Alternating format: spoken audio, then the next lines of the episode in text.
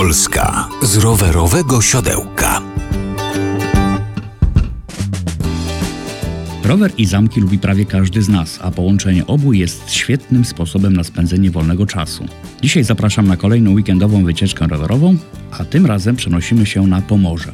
Nasze zwiedzanie zaczynamy w Tczewie, znanym z wyjątkowego, zabytkowego mostu kolejowo-drogowego.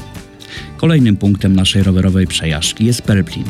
To właśnie tutaj, w Muzeum Diecezjalnym, znajduje się unikatowy egzemplarz Biblii Gutenberga. Z kolei w pobliskiej Bazylice Katedralnej możemy podziwiać największy ołtarz gotycki w Europie.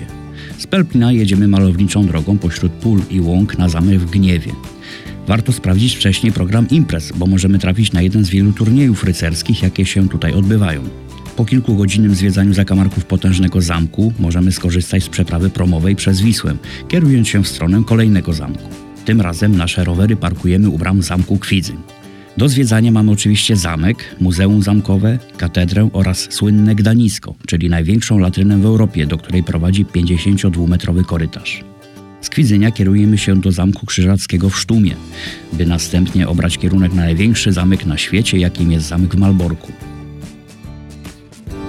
Najciekawsze trasy rowerowe w Polsce poleca Albin Marciniak z klubu podróżników Śródziemie.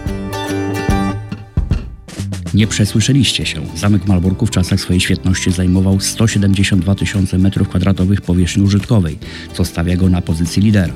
Aby zwiedzić zamek górny, dolny, zamkową kaplicę, podziemia, wejść na wieżę, a do tego zwiedzić muzeum, bądźcie gotowi na wielogodzinną przygodę z tym kolosem.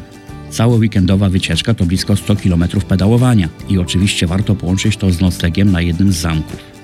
Jeżeli wasze rowerowe siodełko okazało się lepsze niż wygodny fotel przed telewizorem, to zapraszam już za tydzień na kolejną wycieczkę.